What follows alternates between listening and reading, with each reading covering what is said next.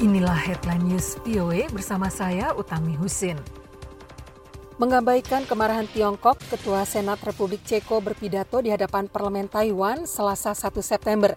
Ia bahkan mengecam kebijakan luar negeri Tiongkok yang semakin agresif dan politik otoriternya. Setelah menyampaikan pidato yang menegaskan nilai-nilai demokrasi yang dijunjung Taiwan dan negaranya, Milos Fistersil mengakhiri pidatonya dengan mengatakan dalam bahasa Mandarin, saya warga Taiwan. Apa yang dilakukan Fistersil ini meniru apa yang dilakukan mantan Presiden Amerika John F. Kennedy dalam pidato anti-komunisnya yang terkenal pada 1963 di Berlin yang pada saat itu masih terpecah.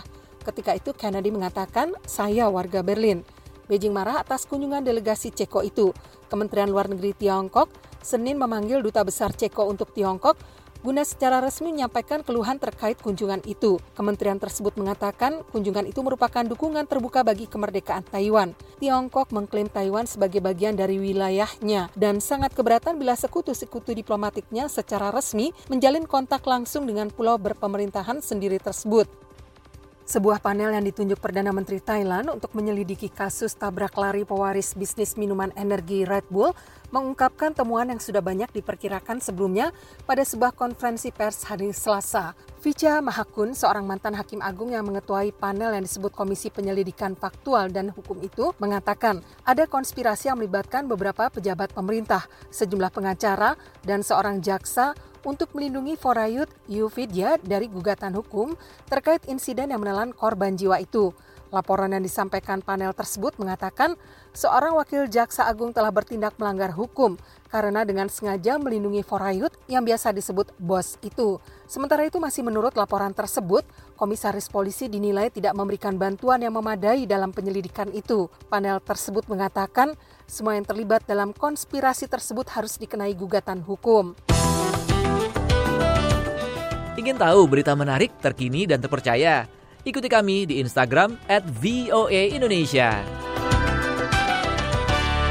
Banyak negara bagian di India yang melonggarkan pembatasan-pembatasan terkait virus corona pada hari Selasa dengan mengizinkan lebih banyak lagi bisnis dan tempat umum dibuka kembali untuk mengurangi kesulitan ekonomi yang disebabkan virus tersebut. Meskipun tingkat penambahan kasus harian di negara itu masih menjadi yang tertinggi di dunia, jumlah kasus virus corona terkonfirmasi di negara itu kini mendekati 3,7 juta.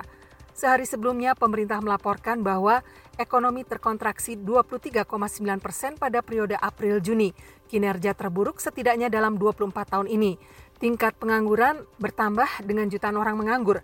Berharap akan menghindari kerusakan ekonomi, India secara bertahap melonggarkan restriksi dan telah mengumumkan bahwa kereta-kereta di kota dapat memulai layanannya mulai Senin mendatang.